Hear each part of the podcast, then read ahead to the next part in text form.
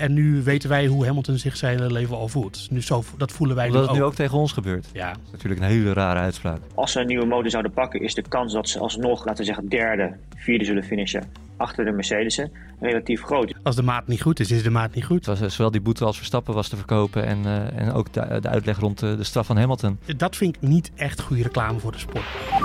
Yeah, here we go again. Get in there, Lewis. It's broken. It's broken. Claps the steering wheel, yeah. Yes, boys, come on. Yes. Oh, this feels good. This feels really good. Welkom bij aflevering 22 van het vierde seizoen van De Bord Radio. En je luistert naar de terugblik op de geweldige Grand Prix van Brazilië. Mijn naam is Bas Scharwachter en ik zit hier live in de studio met Joost Nederpelt en Patrick Moeken. En je hoort in deze uitzending natuurlijk vanuit Hongkong ook weer Ho Pin Toon. Althans, natuurlijk, het is de tweede keer eigenlijk. Het begint al gewoon te worden. Volgende week is hij eh, er live bij. Ja, zeker. Ja, Ja, absoluut. En de reden dat hij er nu niet bij is, is omdat hij in Hongkong woont. Hij is aan het slapen. Eh, wij, want wij nemen dit alweer om, nou het is bijna 12 uur alweer. We worden er bijna uitgezet, dus we moeten een klein beetje vaart maken, denk ik. eh. Maar dat ga je absoluut niet horen in deze uitzending. We gaan vooral terugblikken op een, een spectaculair weekend in Brazilië. Want er is veel meer gebeurd dan alleen maar deze zondag. Eh, DRS-gate onder andere. Maar met name ook Toto Wolff, die echt volledig uit zijn plaat is geschoten. Daarover zometeen meer. Allereerst heeft eh, Moeke, heeft Hamilton nou een enorme tik uitgedeeld aan Verstappen en Red Bull. Ja, dat kan je wel, eh, die durf ik wel aan. Dit is toch wel een eh, eentje die we in ieder geval voorafgaand aan het weekend niet eh aan zagen komen. Dit is acht tellen in de, in de kickboxring eigenlijk. Ja joh, en zeker gezien eh, wat, eh, wat, de, wat, de, wat de stand gistermiddag was, hè, met, die, met die disqualificatie dat hij eh, eh, achteraan in de sprintrace moet beginnen. Om eerlijk te zijn dacht ik gewoon, dit is de beslissing in het kampioenschap. Ja. Het is gedaan. Joost, dacht je dat ook?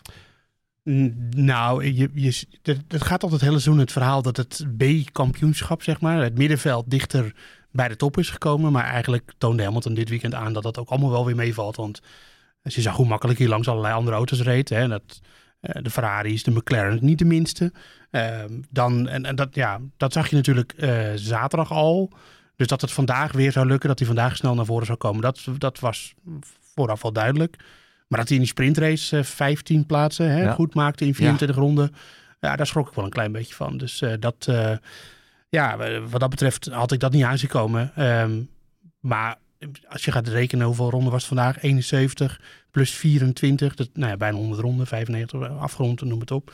Eh, dat, eh, dat, dat Hamilton de kans had om naar voren te rijden na die disqualificatie. Uiteindelijk, hè, na een sprintrace en een race en een gridstraf, dat had ik wel zien gebeuren. Dus ik dacht niet dat het helemaal over zou zijn. Hm.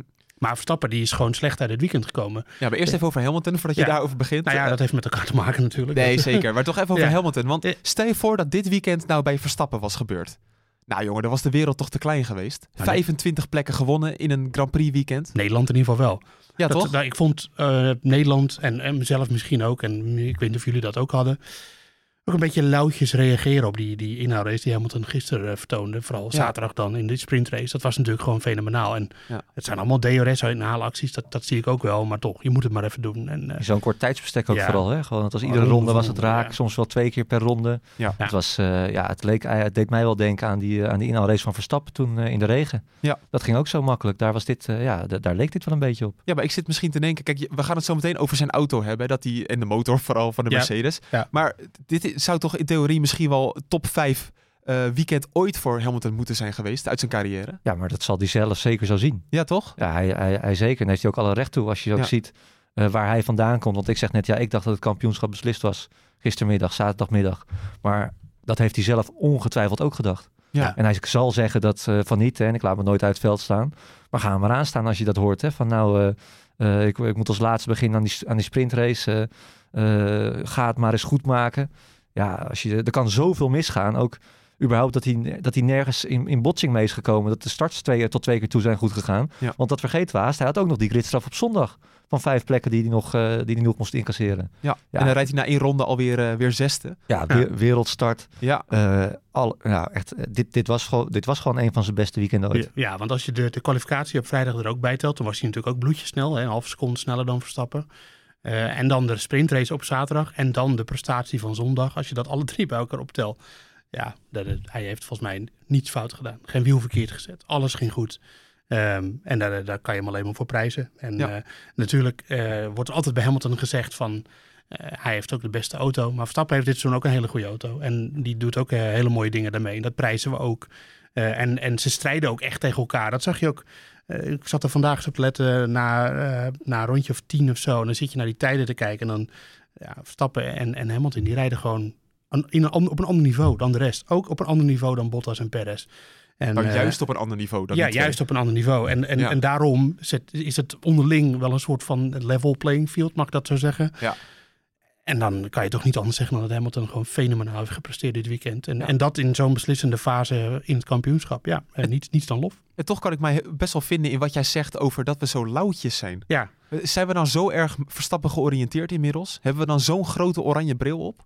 Nou, ik vind het aan de andere kant ook weer meevallen. Want volgens mij zijn we nu al een aantal minuten lang aan het praten hoe goed Hamilton uh, wel nee, niet tuurlijk, is. Maar, ja, ik snap wel wat jij bedoelt. kijk, ik, ja. kijk ik, jij begint over Brazilië 2016 van Verstappen. Van legendarisch, beste ooit. En dat hebben we misschien uh, in Amerika ook gezegd over Verstappen. Van een masterclass. Ja, ik weet niet, ik mis dit nog een beetje ook in de internationale media. Nou, dat, ja, dat, dat is er wel hoor. Dat merkte ik, dat proefde ik gisteren op zich al wel. Ik denk dat dat toch dat dat dan wel een beetje die Nederlandse bril is. Ja, dat zou kunnen. Ja, maar het, is, het heeft ook met iets anders te maken. Uh, hoeveel lof kan je uiteindelijk nog over iemand... Uh, ja. Ik bedoel, Hamilton heeft in zijn hele loopbaan al zoveel lof gehad... dat het op een gegeven moment ook een beetje een soort van ja, er zit, beginnen, zit een beetje verdunningseffect uh, in, weet je Want, ja. Kijk, wat wel natuurlijk anders was met Brazilië 2016, was dat Verstappen was toen nieuw. Ja. Het was net zijn eerste seizoen bij Red Bull, zijn tweede seizoen in de Formule 1. Ja. Uh, zijn eerste echte regenrace, waarin hij kon laten zien wat hij in, uh, in huis had. Dus dat was gewoon, oh, hij was nog veel jonger natuurlijk, hè, 18. Of, of, net 19. Het was, dat, dat, dat maakt een hele andere insteek. Nu weten we wat Verstappen kan. We weten al heel lang wat Hamilton kan. Al hebben we dit ook wel een tijdje niet van hem gezien. Nee ja, het, eh, dat soort factoren spelen allemaal mee. Ja, wel één vraag die we via Twitter hebben gehad van Ruud Vogels. Wat vinden jullie van het verdedigen van de coureurs? Want hij constateerde wel dat niemand, bijna niemand, echt verdedigde op Hamilton. Ja, maar die coureurs die zijn, dat, dat is gewoon zo. Die zijn voor het, over het algemeen gewoon met hun eigen race bezig. En een belangrijk voorbeeld daarvan, dat was niet met Hamilton, maar met Verstappen. Uh, zaterdag in de sprintrace was Carlos Sainz. Die zei dat zelf na afloop. Uh, die was gestart op de softbanden natuurlijk. Uh, dus dat speelde wel extra elementje in, maar het komt uiteindelijk altijd op hetzelfde neer.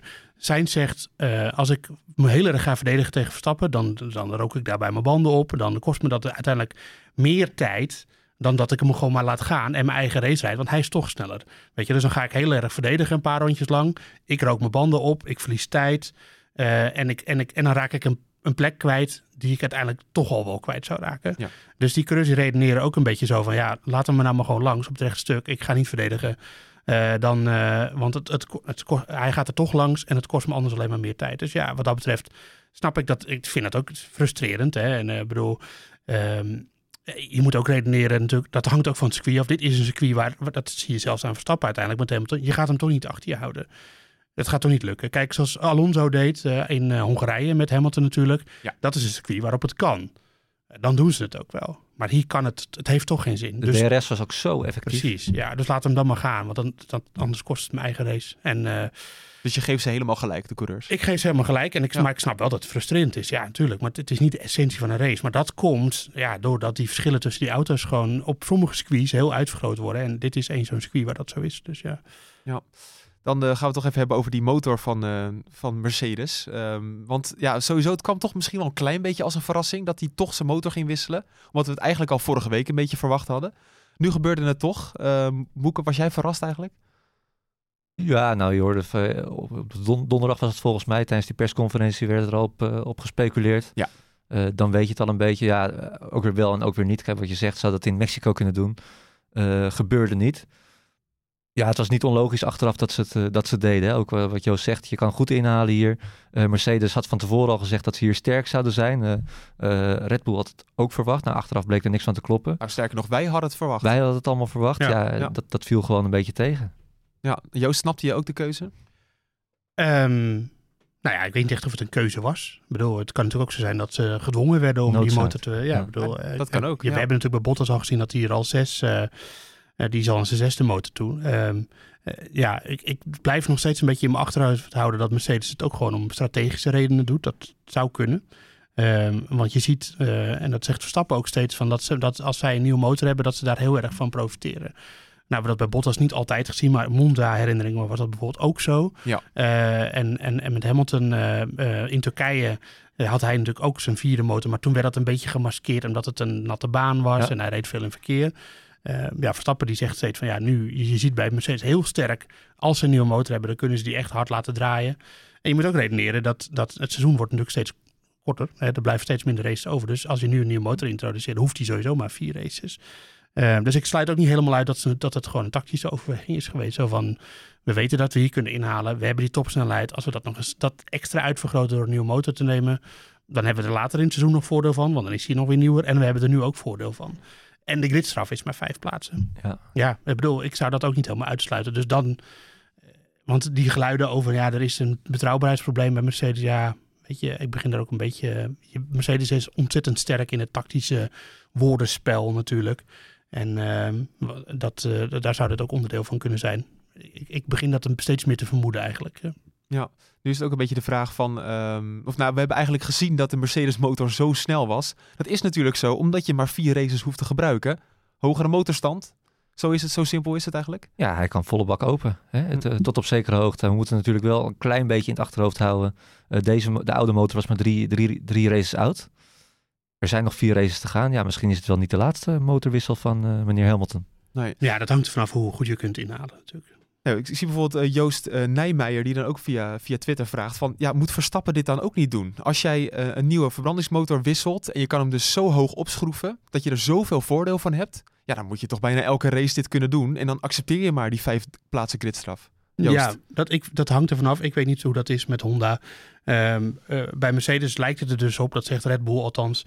En dat zei Wolf natuurlijk ook, dat er gewoon dat er een, een- de piek is hoog als je begint, maar het verval is ook veel sneller. Ja. Ze treedt sneller in. Eh, dat, zei, dat zei Wolf zelf en, en bij Red Bull zeggen ze dat. Dus dat, dat zit wel een coherent verhaal in. Dat lijkt wel een beetje de oorzaak te zijn bij Mercedes.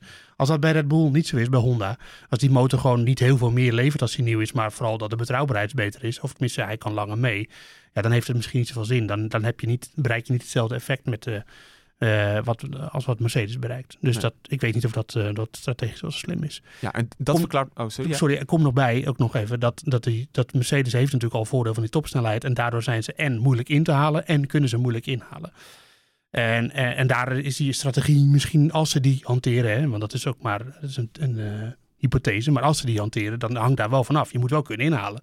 En als je op een circuit komt waar dat niet kan, hè, zoals ik weet niet of dat gaat lukken natuurlijk in eh, Qatar, daar hebben we nog nooit gereden. Ja, dan heeft het niet zoveel zin om het daar te doen. Dan kan je wel een hele, heel, een hele mooie nieuwe motor hebben. Maar als je het niet mee kan inhalen, ja, dan, dan heb je er niks aan. Ja, dat is zeker waar. Toch nog wel een beetje de vraag van... moet Red Bull dan toch niet gewoon die, eh, zelf nog die motor gaan vervangen... zodat ze met een versere motor aan het einde van het seizoen eh, ermee aan de slag kunnen gaan? Hopin heeft daar wel een interessante theorie over. Als je natuurlijk een beetje kijkt vanuit de positie van Red Bull, zij zullen natuurlijk denken van ja, mm, de verwachting is dat ze misschien niet zo sterk zullen zijn als Mercedes.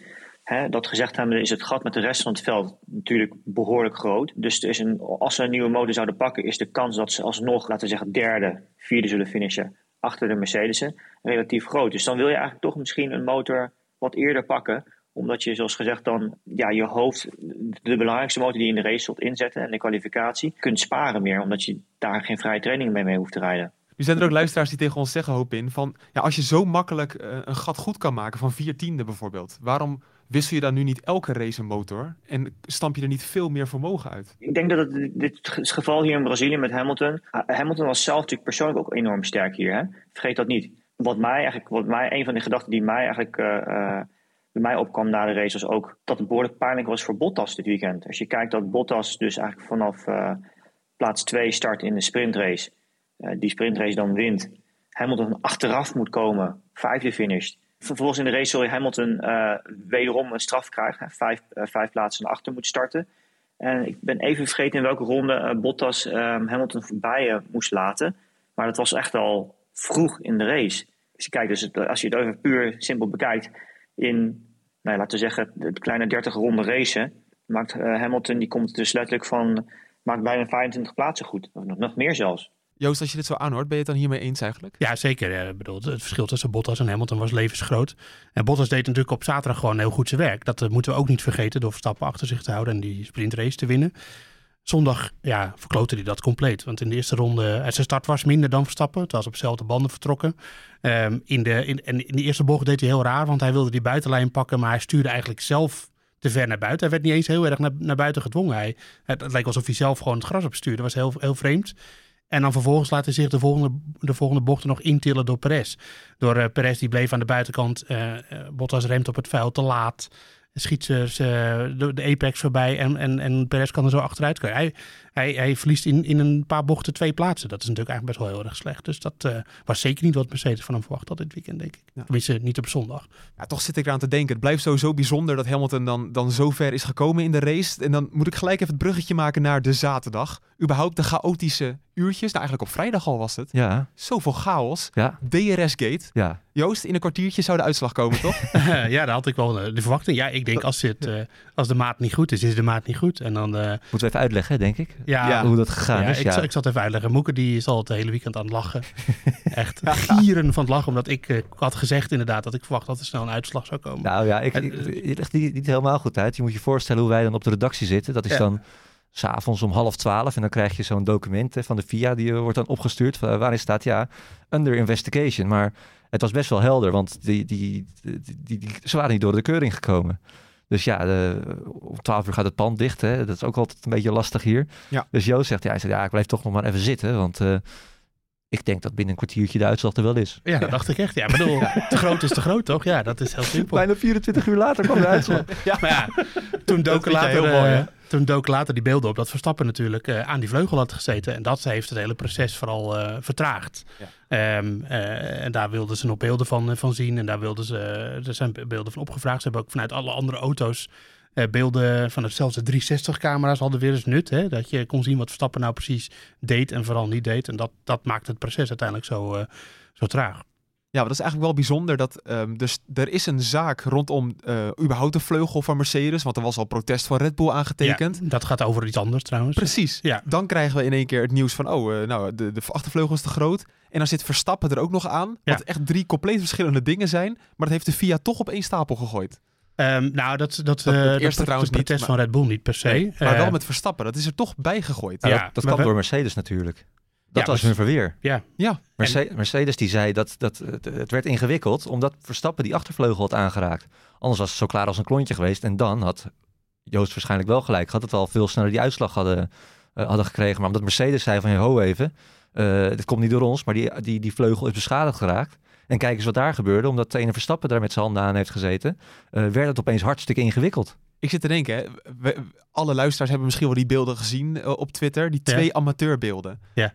Dat is toch wat er gebeurd is. Dat is viral gegaan op Twitter, TikTok, Instagram. ja tuurlijk. En Ja. daardoor is er protest gekomen. Eh, Daardoor, dat is natuurlijk eh, ook bij Mercedes onder ogen gekomen. Nou ja, ze, hebben, ze hebben ook die eigen camera natuurlijk. Jawel, maar dat, je moet het wel op geattendeerd worden. Ja. Ze hadden Ja. denk ik zelf niet gezien dat Verstappen dat deed. Of, of misschien wel, je weet, dat weet je niet precies. Maar dat, dat balletje ging rollen toen die beelden inderdaad naar buiten kwamen. Dat Verstappen eraan had gezeten, ja. En als ik Mercedes was, eh, je hoort dat jouw auto niet door de keuring komt. Eh, de, de achtervleugel specifiek is daarbij het onderwerp. En er duiken later eh, beelden op van jouw grote concurrent die aan die achtervleugel zit. Ja, dat, dan, dan, dan grijp je dat natuurlijk aan als verweer. En eh, dat- dus ik, ik ben er, ja, ik snap wel dat Mercedes dat gedaan heeft. En uiteindelijk, eh, als je het hele eh, verdict van de VIA leest, dan staat daar ook in dat Mercedes zelf ook wel beaamde dat het heel onwaarschijnlijk is dat Verstappen daar daadwerkelijk dat gat van de DRS groter heeft gemaakt. Ik kijk even naar de man die heel hard moet lachen altijd. Moeke, hoe hard heb jij hierom gelachen? Dus dat Mercedes zegt van het komt allemaal door Verstappen. Ja, nou ja, hier, volgens mij was er totale consensus over dat het eh, de grootst mogelijke onzin is. hè. Zo'n zo'n achtervleugel kan eh, tonnen aan lood te verduren krijgen zonder dat hij breekt. En dan zou Verstappen, nou, eh, als hij hem al aanraakt, was het heel licht. Eventjes zo die, die, die vleugel een paar millimeter hebben, Ja. hebben verschoven. Ja, dat is natuurlijk de grootst mogelijke onzin.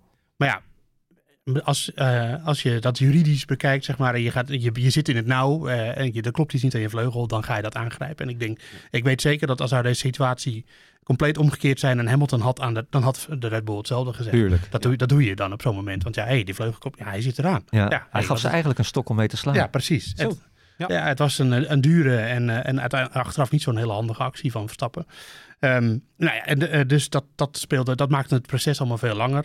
Eh, uiteindelijk hebben ze gewoon getest met zo'n apparaatje. Dat is inmiddels ook al honderd keer voorbij gekomen. En met zo'n wieltje er doorheen. En, en eh, ja, die, die, die, die, dat, de opening was te groot. Het ging uiteindelijk om Twee. 2 mm. Dat is echt ontzettend klein, maar Ja. te veel is te veel. Ja, maar nog ineens aan, eh, over de hele vleugel. Nee. Nee, het was ergens links in een hoekje. Ja, Ja, en rechts. Aan beide kanten. Ja. Ja, zijn precies. Aan de, aan de zijkant. Ja, dus Ja. ja. ja, op twee punten. Ja, dat is, eh, dat is toch wel een cruciaal eh, verschil. Eh, en eh, ik bedoel, eh, of het nou 0,1 mm is of, eh, of 10 centimeter, dat maakt niet uit. Te groot is te groot. En eh, zo redeneerde VIA. Ja, Mercedes is daar heel erg boos over. Toto Wolff die, die vertelde vandaag van... eh, ja, ik, ik kreeg een appje van Ron Meadows. Dat is die teamleider van, eh, van Mercedes. En eh, ik kon het eigenlijk niet... Ik dacht dat ik in de zijk werd genomen. Ik kon niet geloven dat we daar echt een straf voor kregen. Want die gooit het op... Ja, dit onderdeel is beschadigd. En dat is het enige wat, ik daar, wat je daar wel over kan zeggen... is dat daar ook een beetje consensus over is... dat, het, dat het Mercedes dit waarschijnlijk niet bewust heeft gedaan. Nee. Ehm, de FIA die redeneerde volledig van... nou ja, dit is waarschijnlijk eh, ontstaan in het productieproces of op de baan.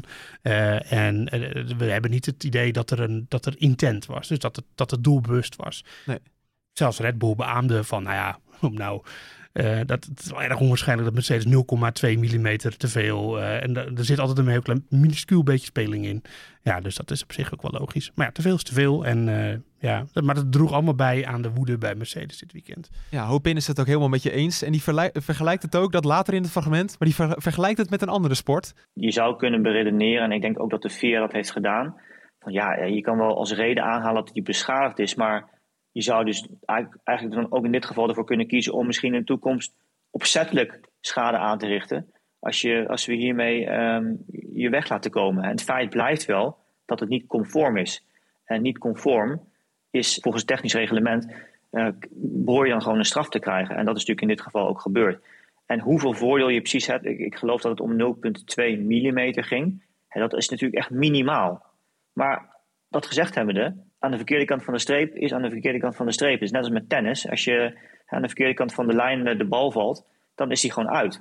En het maakt niet uit of die 1 mm of een halve millimeter of eh, een centimeter erbuiten is. Dat maakt in principe niet uit. Ja, uit is uit inderdaad. Zo simpel is het toch, Moeke? Ja, zo simpel is het. En ik vond ook dat, eh, dat de stewards eh, in dit opzicht echt gewoon prima gehandeld hebben. Er was geen spel tussen te krijgen uit die uitleg, zowel van, over de Nou, boek. Een kleine speld van 0,2 mm natuurlijk. Ja, oké, een hele kleine Heel spel klein- met, een hele, ja, met een hele dunne naald. Ja. Maar eh, nee, het was eh, zowel die boete als Verstappen was te verkopen en, eh, en ook de, de uitleg rond de, de straf van Hamilton. En ja, ik vond het ook wel fascinerend dat je ook op Twitter kreeg nog hele discussies ook van mensen van is dit nou goed voor de sport? Het is een blamage voor de sport en dit, Oh.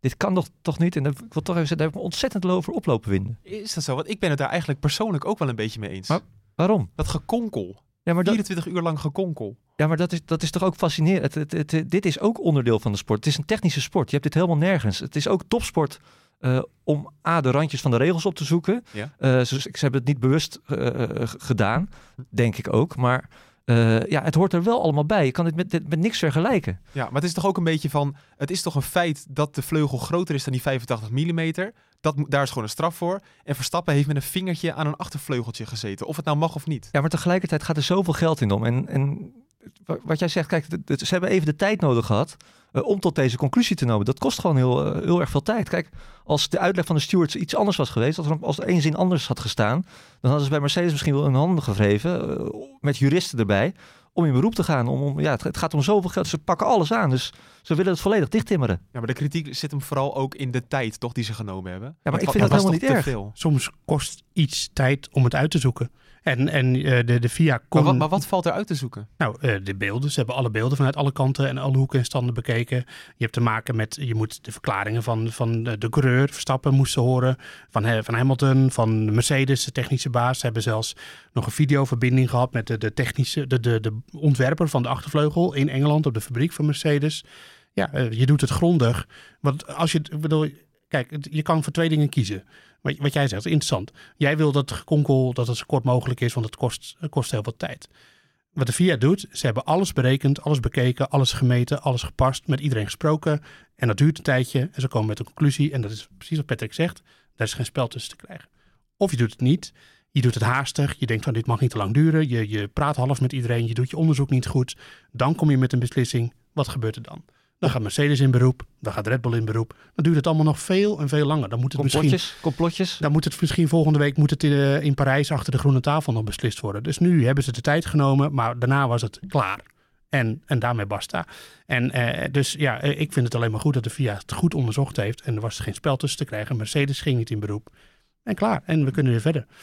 Nou, toch wel En het is een technische sport, maar je, Ja. bedoel, we hebben, je hebt ook voorbeeld. Ik bedoel, met wielrennen heb je toch ook wel eens eh, ver- vermoedens van motortjes. Ik bedoel, dat kan het toch ook dat je hebt te maken met materiaal. Volgens mij is er ook wel eens een keer een, een heel rel geweest in Amerika van, met American voetbal dat de ballen niet goed eh, opgeblazen waren of zo. Inflategate heette dat eh, met de Patriots, toch? Ja, zeker. Ja, bedoel, dat gebeurt overal. Dus dat is niet, dat is niet eh, iets exclusiefs voor de Formule 1. In- Integendeel, dat gebeurt in alle sport.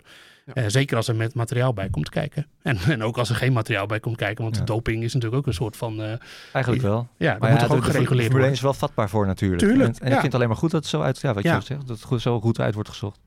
Slecht voor een discussie, maar ik ben het helemaal met jullie eens. Kijk, dat Fijn. is toch even mooi, hè? een goed gedaan, Nederpel. Ja, over één ding ben ik het niet eens. Dat is die 50.000 euro van Verstappen. Om, Ja, maar om- ook daar ontkomt hij niet aan. nou, dan ga ik, ga ik iets vertellen. Oké, leuk. De- deze boete is tien keer zoveel als dat een willekeurige coureur op de grid aan het einde van de race zonder gordel heeft gereden. Wat Ah. levensgevaarlijk is. Tien keer? Tien keer zoveel. Lewis Hamilton heeft na Nee, de race Meer nog zelf, toch? heeft 5000 euro. Nee, 2000 kreeg hij. Of vijf? Nee, Vijf- 5000. Vijf, oh, oké. Ja, tien keer 5000 zo, ja. euro voor het rijden zonder ehm eh, seatbelt. Maar wel met nog 20.000 voorwaardelijke. En Hamilton heeft het al vaker gedaan, want het is al een keer eerder te sprake geweest. Ja. eh. Ja, nee, maar even serieus. Dit gaat om veiligheid. Dit gaat om. Nee, als ik even heel erg ga overdrijven, Ja, maar- gaat dit om leven en dood.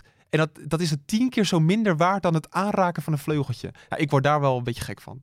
Nou, Als ik dat dan vergelijk. Zou me daar, niet- er zijn dingen in de wereld waar je gek Ik op wint je daar heel erg over op, gewoon, Joost. Ja. Ja, Nee, ik bedoel... eh, ik ga wel een beetje ver. Maar snap je wat ik bedoel? Ik snap het. Het is, ja, boetes zijn altijd een beetje... Vooral bij de Formule 1 heb ik het idee dat Ja. het altijd een beetje natte vingerwerk is. En eh, ja, ehm, dit, van Verstappen is gewoon, een voor, het is gewoon een voorbeeld gesteld. Dat is duidelijk. Want coureurs, eh, we hebben het gezien, al die beelden van inspector Vettel Geweldig. zijn natuurlijk voorbij gekomen. Vettel die zit al jaren aan allerlei auto's en zo. En dat moet gewoon eens afgelopen zijn. Ik denk dit- dat de Formule 1 dat wil. Hey. En, en, en de boodschap is aangekomen, want Vettel zit er zelfs over te grappen. eh, zaterdag na de sprintrace in zijn auto van... ha, ik ga de Mercedes aanraken. Nee, alleen de voorvleugel, want dat kost maar 25.000.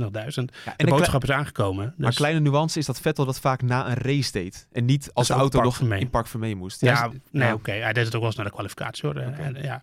Dus, eh, nee, weet je, eh, het is, een voorbe- het is een hoop geld. Maar ja, relatief gezien... denk dat Verstappen het wel... eh, dat, hij Hij dat, betaalt wel, ook zelf, hè? dat hij het wel kan missen. Zei hij. Ja, maar- mijn eigen zak ga ik het betalen. ja. Ja, maar ook, ik vind ook vanaf de FIA... Ik, vind het, ik vind het een belachelijk hoog bedrag. Lijkt me, dat, Ja. Het is voor heel veel mensen gewoon niet eens een jaarsalaris. Het is een belachelijk hoog bedrag. Dat vind ik, ben ik met je eens. nou, misschien jouw ja, jaarsalaris. nou ja, oké, misschien. Ja, Maar, maar hij schijnt eh, veel te verdienen. Hè? Ja, Ja, dat dat altijd weer terugkomt. Hoeveel Ja. verdient hij nou? eh? ja, nee, dat Joost, ah, een jaartje werken. Nou ja. Nee, maar... eh, half, jaar. half jaar. Half jaar. Ja. Nee, goed, maar dat, ja, dat is dus een beetje, wel een beetje een, een dingetje. Er is inderdaad wel een voordeel, een voorbeeld gesteld. ja, Eh, Ze gaan het zeker niet meer doen. Maar ja, dat gekonkel dit weekend, dat was, een, was wel een dingetje. nou, ik vind het... Ik moet, dat moet ik wel zeggen. Sorry, eh, was Ja. je nou geagiteerd dat ik er weer op inga? Nee, ik wilde wat aan Ah, vragen. Nee, ik bedoel, ik, het, het is, dat vind ik niet echt goede reclame voor de sport. Dat een Precies. coureur een, een boete krijgt voor 50.000 euro. Nee. En dat hij daar dan daarna nog soort van. En dat, dat neem ik Verstappen niet kwalijk, want dat is gewoon eh, het speelveld waarin die coureurs zich begeven. Die verdienen miljoenen. Dus ja, 50.000 euro is voor hun wat minder. Ja. Eh, maar dat een, dat een coureur een boete van 50.000 euro wordt opgelegd. eh, dat is ook wel een soort, voor een aanraken van een achtervleugel. Dat spot ook een beetje met de realiteit van je fans, zeg maar. Ja. Voor wie 50.000 euro ontzettend veel geld is. Dat, eh, daar moeten ze denk ik ook wel wat mee. Ja. En dat vind ik zo'n hoog bedrag. Dat kan je Ja. zo goed inzetten om de wereld te helpen. Ja, Ja. Eh, maar dat ga, ja, Verstappen maakte een grapje dat ze het gaan uitgeven aan dure wijntjes en dat soort dingen. ja. Nou, dat Nou, geld komt niet supergoed Nee, terecht. dat toch? komt in het eh, Road Safety eh, programma. Programma. natuurlijk hè, van, de, Ja, van de VIA. tuurlijk. Ja. En Verstappen moet blij zijn dat hij niet weer twee dagen moet opkomen draven voor een of andere helmdemonstratie. Dus, eh, Ver- ver- verplicht bij de Formule E stewards meekijken Ja. een paar jaar geleden. dus ik denk dat hij er uiteindelijk denkt hij dat hij, dat hij er wel blij mee is hoe hij er nu is vanaf gekomen. Dat was na die duw op, eh Op Ocon. ja, op ja, ja, ja. Ja, Toen moest hij ja, van ja. de Marrakesh Dat of zo. eh, ja. Ja, naar Marrakesh zelfs. Ja, Ja. ja. Ja, maar dus. vond jij het geen fascinerende zaterdag? Ik heb echt een geweldige zaterdag gehad door dat al. was het ook. Ja. Natuurlijk, eh, dat, dat was gewoon een complete. eh, alles, was, alle cijfers bij ons eh, waren ook compleet opgeblazen. Ja, dus, het ja. was, het, Nederland ging in een milde lockdown, maar dit was het gesprek van de dag hoor. Ja. Ja. dat is absoluut ja, dat kunnen we echt. dat kunnen we aantonen. Cijfermatig Ja. kunnen we aantonen dat mensen zich hier meer, hier meer eh, mee bezig hielden Ja. dan met, eh, met de, de lockdown die zaterdag inging. Ja, het is dat de race ook spectaculair was. Anders hadden we het alleen maar daarover gehad. Om even de zaterdag toch even af te sluiten. Sprintraces. Joost, ja of nee? Ik wil één woord en horen. We moeten, het horen met, we moeten het zien met de nieuwe auto's. Dat zijn veel woorden. Want ik ben Ik- nu geen, nog geen fan. Nou, eh, ik, ik- je kan het ook los zien. Hè? Als ik kijk naar de sprintrace, zeg ik, nou, dat is niet heel spectaculair. Ja. Als ik kijk naar het hele Grand Prix weekend, eh, zeg ik volmondig ja. Daar ben ik het mee eens. Want we kunnen er niet omheen dat door die sprintrace en die kwalificatie op vrijdag, dat het hele weekend in zijn geheel een stuk spannender is geworden. Alles bij elkaar. Dat vind ik ook. Vrijdag gaat het meteen ergens over vanaf eh, de eerste training, behalve die derde training eh, op zaterdag. Ja, dat, dat is een beetje moi moi, daar moeten we nog wat op verzinnen. Nou, dat is wel heel slecht Nee, eigenlijk. dat is gewoon... Dat, ik laat helemaal nergens op. Nee, maar, maar, Ja. nou, dat, maar dat is het enige. Want je hebt iedere dag heb je, heb je gewoon spektakel. Althans, spektakel ook gewoon. Die, je hebt toch, je hebt toch een, een, een race start. En op kijk, zaterdag. het wordt natuurlijk wel een beetje verbloemd nu door de situatie van Hamilton, die echt de race heeft gekleurd. Ja. Natuurlijk. Dus, dus eigenlijk hebben we nu wel een goed gevoel eraan Nee, overgehouden. als, maar- als, als Hamilton niet achteraan was gestart, ik bedoel, als, oké. maar als Hamilton niet achteraan was gestart, dan was die sprintrace... Nou ja, dan hadden we misschien een mooi gevecht vooraan gehad tussen Hamilton en Verstappen. Bedoel, dat weet je ook Ja. niet. Maar, alhoewel, als ik nu kijk naar de snelheid van beide auto's, dan was dat denk ik geen gevecht geweest. Maar ja, dan stond Verstappen wel op de, op de tweede plek naast Hamilton. En die was toch wel sneller. ja, Dus had hij misschien wel bij de start de leiding kunnen pakken. Ja, je, ja het is al Ja, heel, erg nooit. als als. maar ja. Maar je er ziet toch ook wel een klein beetje dat de, in Monza bijvoorbeeld... eh, kwam Ricciardo toch in de positie ja. dat hij uiteindelijk die Grand Prix kon winnen. Dat had het wel weer voor elkaar. Ja, maar Ja. dan mag hij eigenlijk nog wel korter, de sprintrace. Ja, bedoel, want dat- het gebeurt bij de start. Ja. En, en, en wat je nu hoort, is dat de coureurs weer bezig zijn. Ik bedoel, wat ik net vertel over Sainz, hè, met wat ik zei over dat hij Verstappen Ja. voorbij liet, dat speelde in de sprintrace. Dus Ja. daar is hij in de sprintrace al mee bezig. Dat hij een coureur voorbij moet laten omdat hij zijn banden moet sparen. Dat is voor mij, dat, dat, daar denk ik niet aan bij het woord sprint. Nee. Bij het woord sprint, dan denk ik aan een explosie van racen, eh, ongeacht het materiaal en gewoon eh, met z'n allen vol gas. En doe dan tien rondjes of zo. Dus staat er en meer punten. Want nu staat er zo weinig op het spel dat je denkt, nou de groeten. Ik zie Ja, je morgen maar wel. dan moet je dus een andere discussie starten. In hoeverre wil je die sprintrace belangrijk maken? Ja. Want dan haal je toch ook wel weer de charme van een Grand Prix weg. Want de Grand Prix wil je winnen en niet zozeer de sprintrace. Nee. Ja, ja dat, dat is mijn grootste kritiekpunt. Dat ik het eigenlijk op zaterdag wel al een beetje gezien heb qua verhoudingen. Ja. En dat je eigenlijk zondag weet van, nou ja, oké, ze zijn Ja. aan elkaar En gewaagd. daarom heb ik gisteren een idee bedacht. Oh, Dus dit, ik ga bellen met Ross Brown, want dit is een geweldig idee. Ja. We doen gewoon Q1, Q2, Q3, maar dan met sprintraces. Dus niet één, maar drie. En Wat, dan wat, over- wat, wat, wat? Nou, dus we doen dan drie korte sprintraces in, in plaats van de kwalificatie. Dat klinkt geweldig. Ja, dus dat je, en dan vallen de eerste, Ja. eh, de achterste vijf vallen af. Ja. De finish.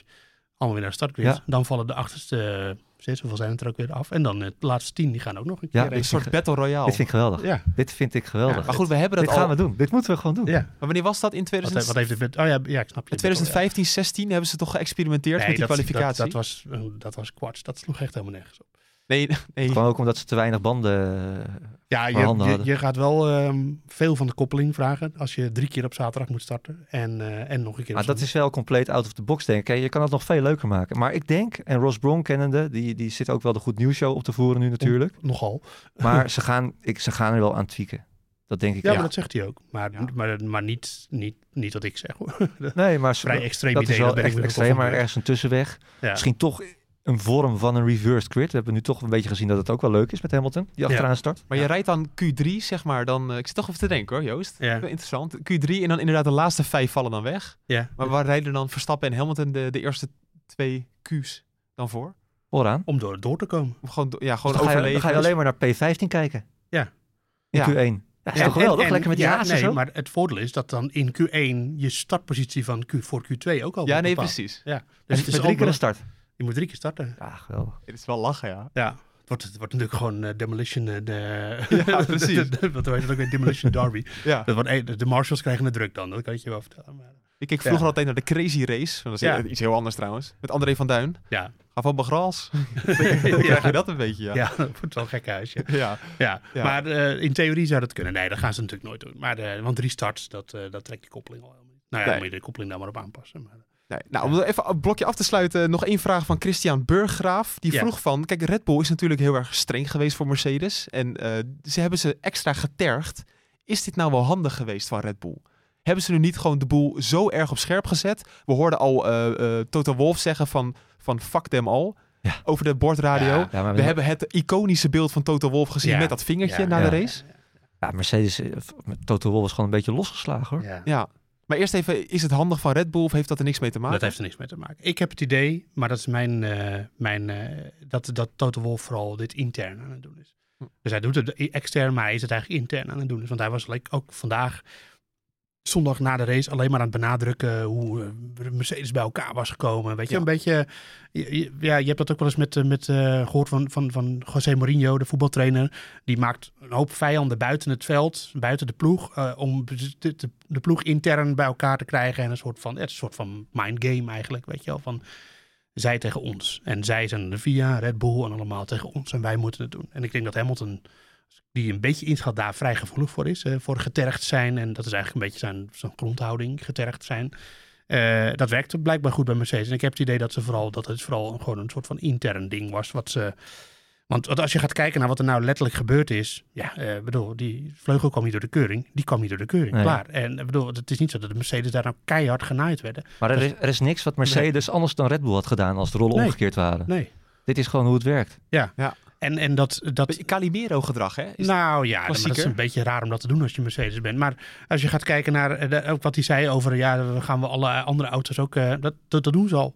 Ja. Eh, ik bedoel, m- eh, Mercedes heeft dit, dit seizoen Red Bull nou, te, te grazen genomen, hè, reglementair, met over die achtervleugel van Verstappen in Barcelona, die te ver achterover boog. Nou, er kwam een nieuwe test. Mercedes heeft dit seizoen geklaagd over de pitstops. Hè, dat, dat Wolf deed er een beetje schimmig over. Ja, we hebben vragen gesteld over de Dat pitstops is gewoon gebeurd. kwamen nieuwe regels. Red Bull doet hetzelfde bij Mercedes. Die hebben nu weer een hele klacht ingediend over de achtervleugel van Mercedes. Eh, Red Bull heeft vorig jaar natuurlijk heel lang lopen klagen over die, de party modes van Mercedes. Ze doen dat bij elkaar. Hij doet nu net alsof dat allemaal nieuw is. De, maar dat, dat is niet zo. Dat weet hij zelf ook wel. Dus ik, hij doet dat soort van, denk ik, een soort van eh, wij tegen zij sfeer wil hij heel erg creëren. Maar ik vraag me af of ze bij Daimler, het moederbedrijf, daar echt heel blij mee zijn met dat gedrag. Als je, als je groot, eh, je, je gezicht Toto Wolf daar zo in de camera staat eh, eh, te gek te doen en te, en te blaren. Het, ja, het is Fuck them all. Nou ja, met, ja, Ja, fuck ja. them all. Het is, het is ook, je moet ook je merk verkopen. Mercedes Ja. zit in de Formule 1, dat is een heel chic merk. Ja. Die willen hele dure Mercedes verkopen. Ja. dan ga je toch niet, dat kan, dat kan dit toch niet? Nee, maar ja. Ja. Dus Daimler is eh, 30% aandeelhouder van Mercedes en Toto Wolff ook. Dus ze, ze Ja. kunnen er waarschijnlijk wel wat over zeggen, maar eh, ook weer niet heel veel. Ja, het is, eh, eh, het is ik, ik- maar ik ben het met je eens. Ik kan, ik, ik kan me moeilijk voorstellen dat ze bij Mercedes nou, eh, bij het merk Mercedes nou denken van, ah, Toto Wolff was dit weekend echt een goed uithangbord van ons merk met zijn, eh, met zijn, met zijn gedoe. Want dat was gewoon een beetje gedoe, vond ik. En Ja. dat, eh, ja. En hebben we het nog over één uitspraak niet gehad. Eh, we hebben helaas de rechten niet van Sky Sports om het te laten horen. Maar eh Toto Wolff ging nog even los voor de camera bij Sky.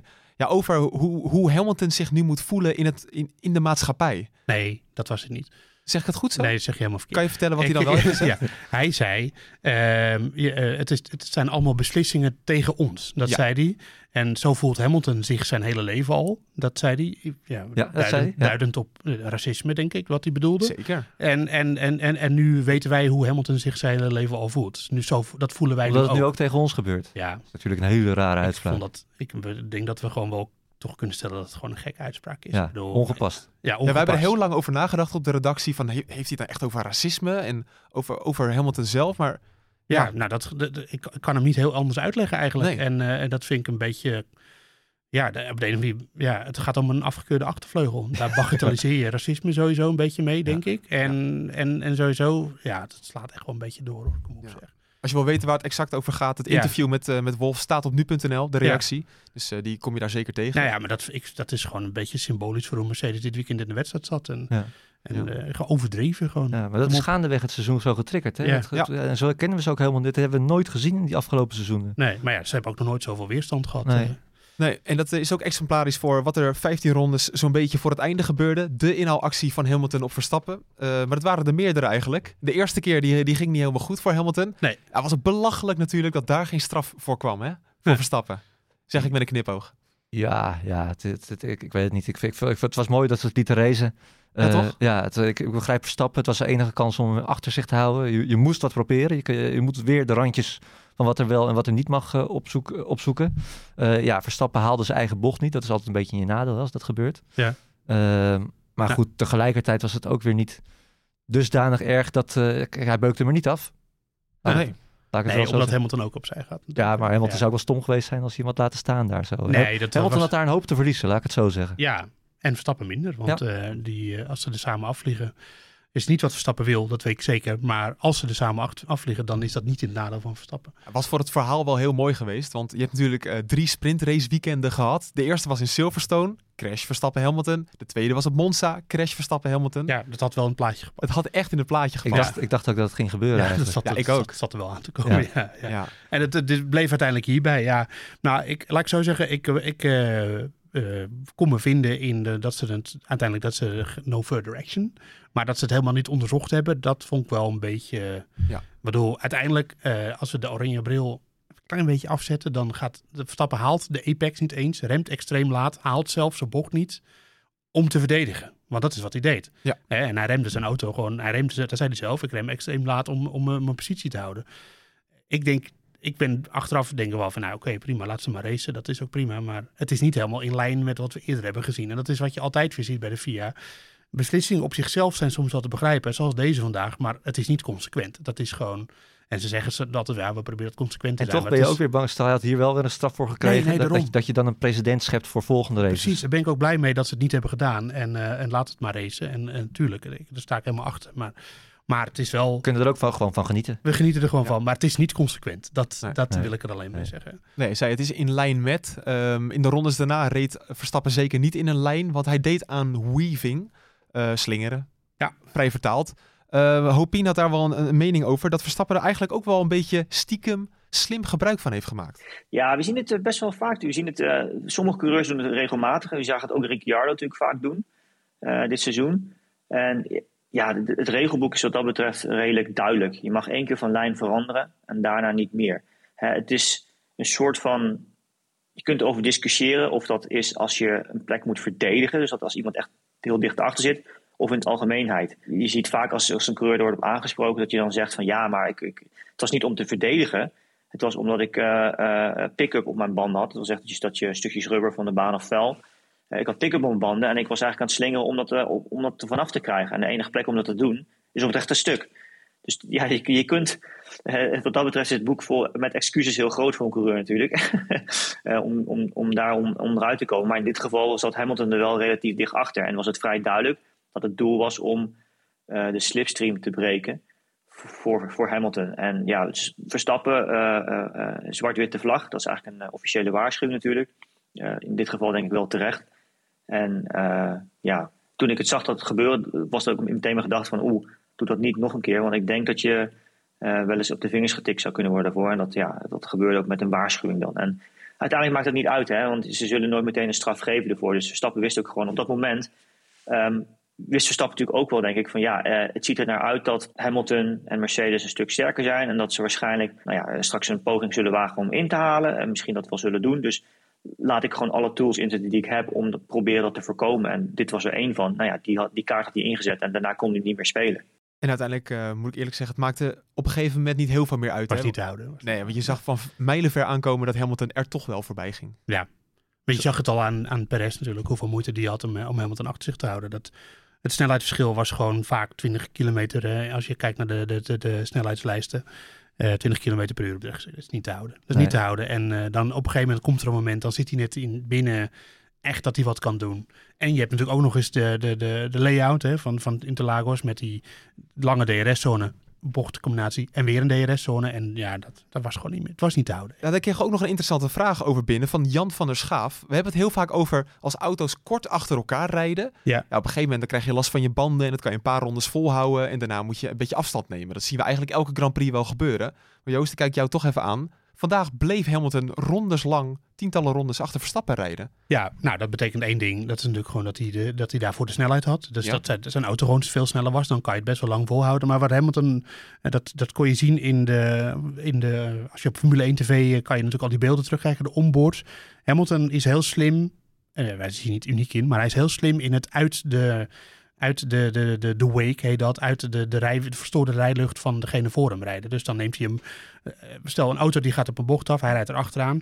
Die auto voor hem rijdt een hele krappe lijn, dan rijdt Hamilton een wijde lijn. Dus dan rijdt hij uit die verstoorde lucht. Dus dan heeft hij even goed downforce.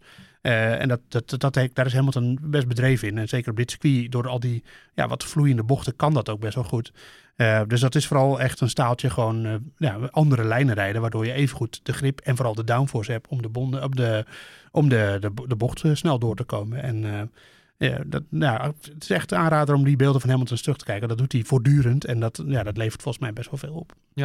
Helemaal goed. We gaan eens even kijken zometeen naar de stand. Maar eerst een andere stand natuurlijk in ons spannende Nu-sport GP-spel.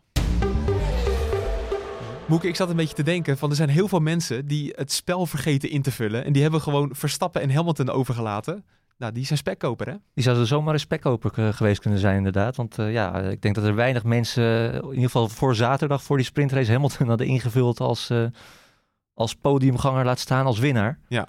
Maar goed, de mensen die dat wel hadden gedaan, die waren inderdaad spekkoper. In een team met Hamilton en Verstappen, als je dat had, dan eh, had je bij ons in de top 10 gestaan. Robin Gooskens en Bart Versteeg, 110 punten. Hartstikke goed. Ook nog eens de uitslag allemaal goed.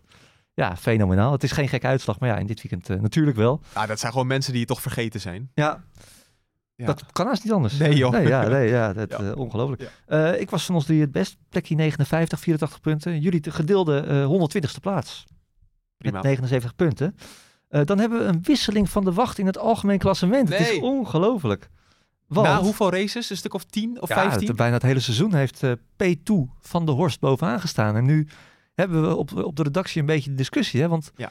P2, hè, onze, onze producer Frank, eh, Frank Brinkhuis, Ja. die wees ons erop, is het niet misschien een, een, een woordspeling? P2. P2. P2. Ja. Ja. Daar geloof ik eigenlijk helemaal niet in. Maar Nee? Nee, ik geloof het ook niet. Alleen, eh, ik heb zijn naam wel gegoogeld, eh, P2. Eh, maar hij is nergens te vinden. Eh, ik, ik geloof, misschien het zou zomaar kunnen. Dus is het, een, is het een fout dat hij dan Peter heeft, omdat hij dan verkeerd heeft gezegd? Of heet hij echt zo? Of is het een woordspeling? Ja, ik zou aan, kent iemand P2 van der Horst? Of luistert hij zelf? Of luister, ja, uiteraard, of luister je zelf.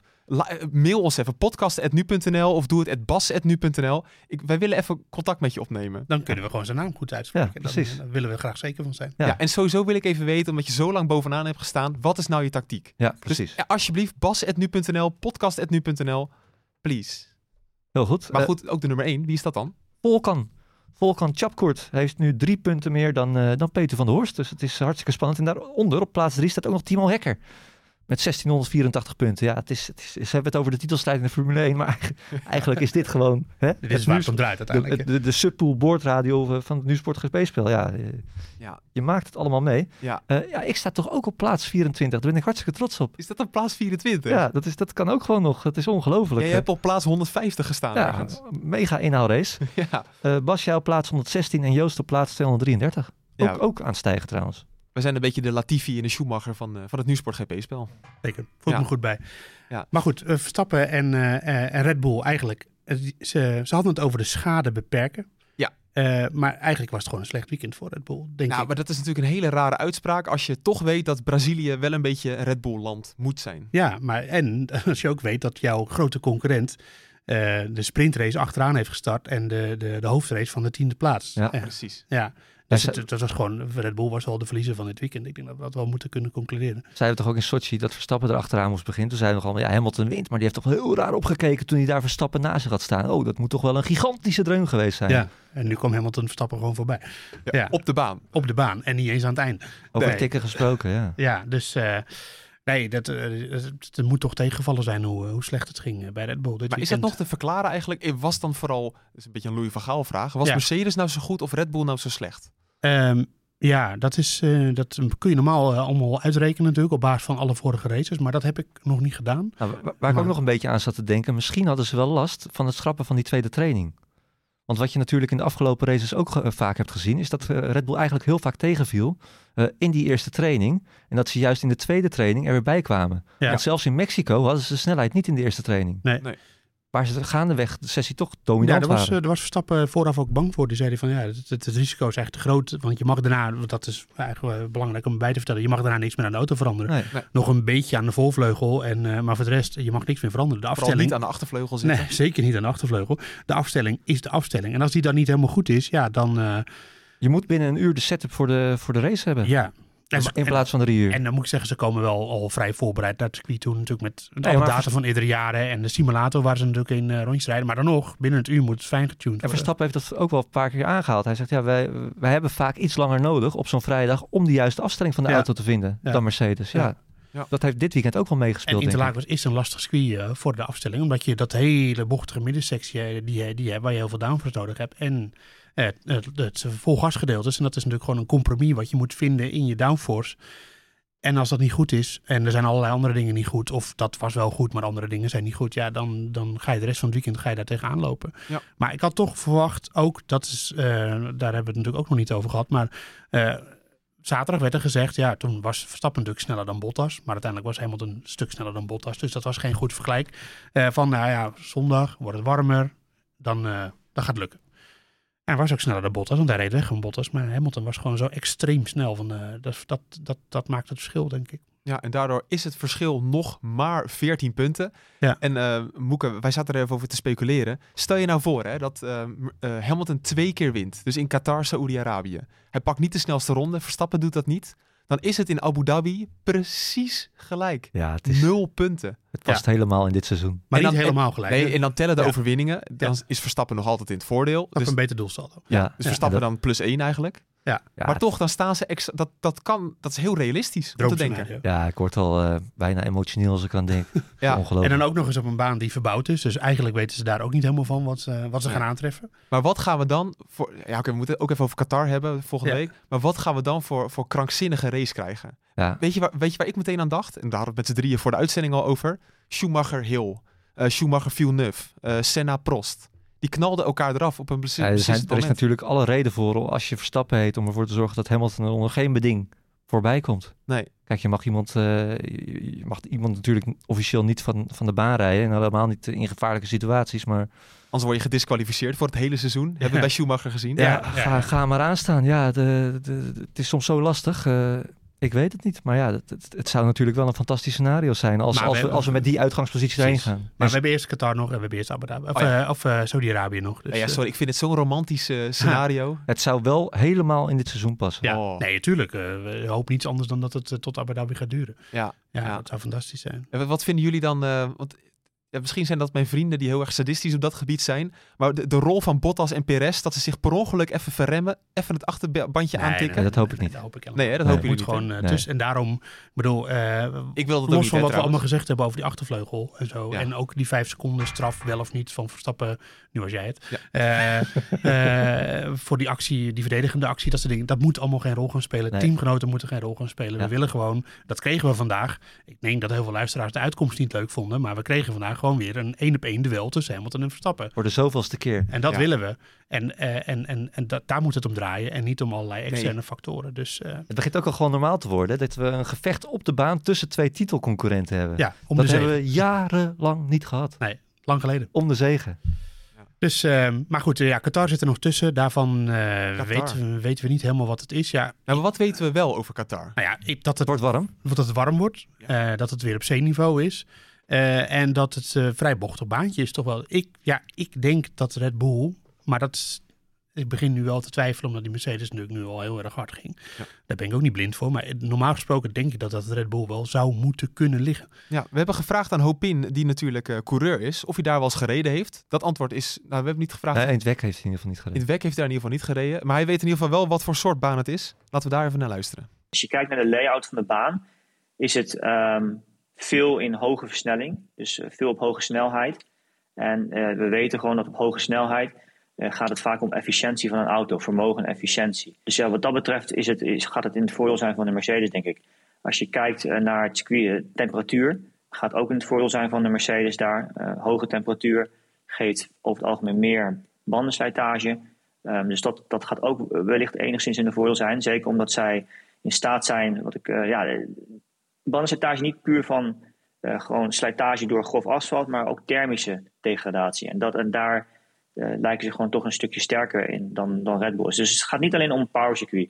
Eh, ik noem dat eerder wel, maar het is denk ik een combinatie van, van factoren die, die, die, die zullen meehelpen daar. Ja, we zijn natuurlijk snel geneigd om dan de layout erbij te pakken. En dan zeggen we al heel snel medium corners. Dat is misschien het voordeel van de Ja. Red Bull. Maar wat Hopin ook zegt, het gaat ook om wat de baan met je auto doet. Er komt er natuurlijk. een ontzettende reeks aan factoren bij, eh, bij kijken. Van wat, wat, hoe is het asfalt? eh, hoe reageren de banden erop? Hoe krijg je je banden in het juiste window? Hè? Dat is ook nog altijd heel belangrijk. Ehm, ja, ik baseer het vooral op inderdaad de, de layout. En dat, dat Red Bull het hele seizoen best wel goed is in snelle bochten. Ja. Ehm, eh, dus ja, maar eh, het kan ook best zijn dat het heel erg dicht bij elkaar zit. Alleen Eigenlijk is het gewoon één groot vraagteken. Vooral- eigenlijk is het, en dat, ook- is, ook- dat wilde ik. En ook, ja, maar ook voor de teams. Ja. Ja. Niemand, je kan nog Nee. zoveel berekeningen Nee. erop loslaten, maar je weet het pas nou een beetje op, op vrijdagmiddag eh, nog iets beter eh, eh, later op de dag. En eh, in de kwalificatie gaan we pas echt zien wie de, hoe de kaarten geschud zijn. Het blijft giswerk. Ja, en dat is ook wel weer leuk. En dat geldt ook voor. Kijk, als je naar de layout kijkt van Saudi-Arabië die daarna komt. Ja, dan, we weten al dat de titel niet beslist gaat worden in Qatar. Dus Saudi-Arabië kan wel eens heel belangrijk worden.